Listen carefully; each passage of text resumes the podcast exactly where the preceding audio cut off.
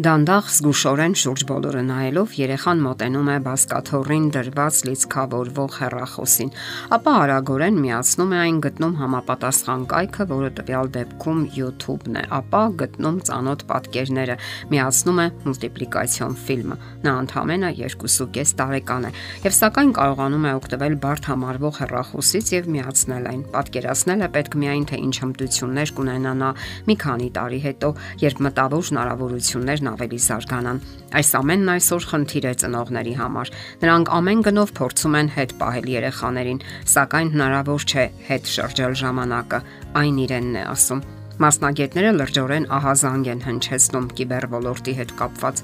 Այդ դաշտը ավելի ու ավելի է դուրս գալիս վերահսկողությունից։ Դաշտն իր մեջ ներառում է թե հեռուստացույցը, թե համացանցը, եւ թե վերջերս պարզապես մեր կյանքն ներխուժած բջջային հեռախոսը։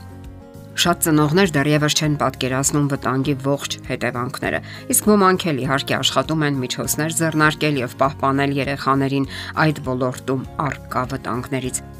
Ցավով նշենք նաև, որ ոչ քիչ թվով ծնողներ իրենք են լուրջ հիմնախնդիրների մեջ այդ դաշտում եւ այնուամենայնիվ հարկավոր է անընդհատ սովորել, թե ինչպես վարվել այս կամ այն դեպքում։ Երեխաների դյուրաբեկ եւ խոցելի հոգեբանությունը հաճախ այնպիսի վտանգների է ենթարկվում, որ իր կնիքն է թողնում հետագա ողջ կյանքի վրա։ Իսկ ծնողներից շատ բան է կախված։ Ուրիշ ելով, եթե ոչ նրանք պետք է վերահսկեն երեխայի առօրյան։ Նշելով հերոստացույցի մասին, ասենք, որ դրա մասին շատ է խոսվել ու գրվել եւ այնուամենայնիվ նորանոր փաստեր են գալիս ապացուցելու, որ դեռ ամեն ինչ բացահայտված չէ։ Վերջերս ամերիկյան գիտահետազոտական ինստիտուտներից մեկում հետաքրքիր փորձ է կատարվել ողրզելու հերոստացույցի իրական ազդեցությունը երեխաների վրա։ Մասնակցել են 600 մարդ։ Ընտանիքների մի մասում թույլ էին տալիս երեխաներին, որ դիտեն միայն բարություն սերմանող ֆիլմեր, իսկ մյուս մասը դիտում էր բոլոր հաղորդումները։ Կես ժամ հետո, երբ հետազոտել են երեխաներին,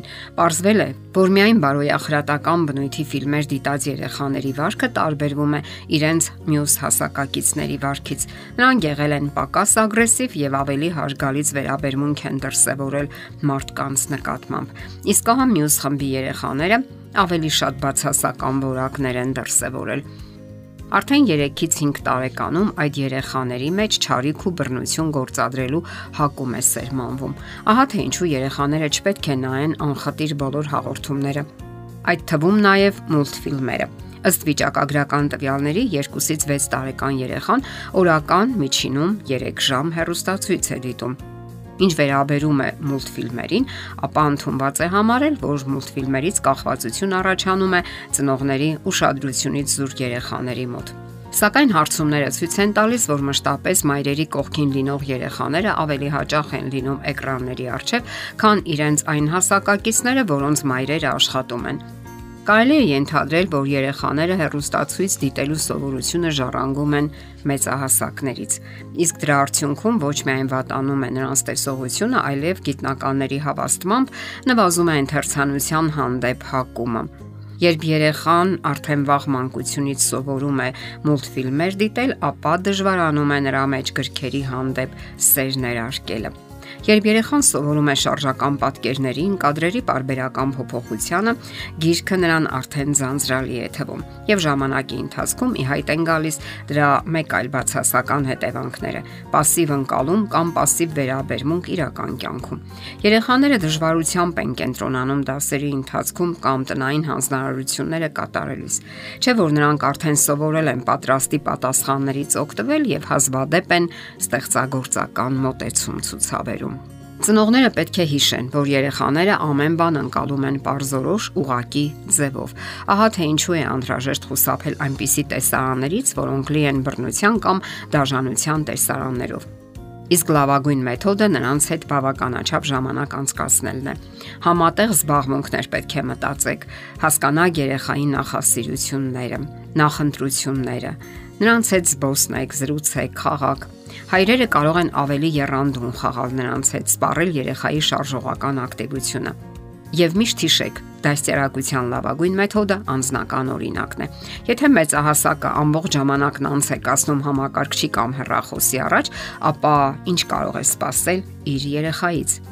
Եվ երբ երեխայի մոտ նկատում եք լուրջ կախվածություն, փորձեք խնդիրը լուծել անմիջապես եւ կտրուկ։ Դիմեք համապատասխան մասնագետների անգամ։ Ունեցեք նաեւ ընտանեկան ավանդույթներ, որոնք միայն կբարելավեն ընտանեկան միջանձնային հարաբերությունները։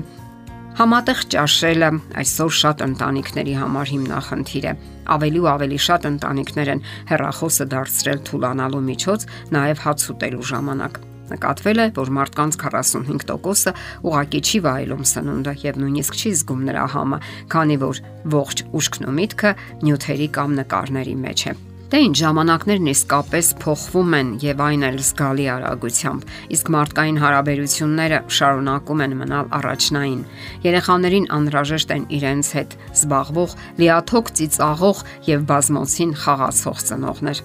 Ավելի մեծ ուրախություն նրանց համար պարզապես գոյություն չունի։ Երբ նրանք մեծանան, դուք այլևս չեք ունենա այդ հնարավորությունը։ Կորսված հնարավորությունները երբեք հետ չեն դառնում, ինչպես նաև կորած ժամանակը։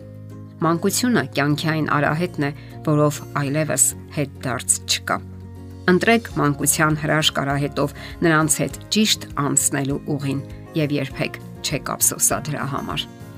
Եթերում ընտանիք հաղորդաշարներ։ Հարցերի եւ առաջարկությունների համար զանգահարել 033 87 87 87 հեռախոսահամարով։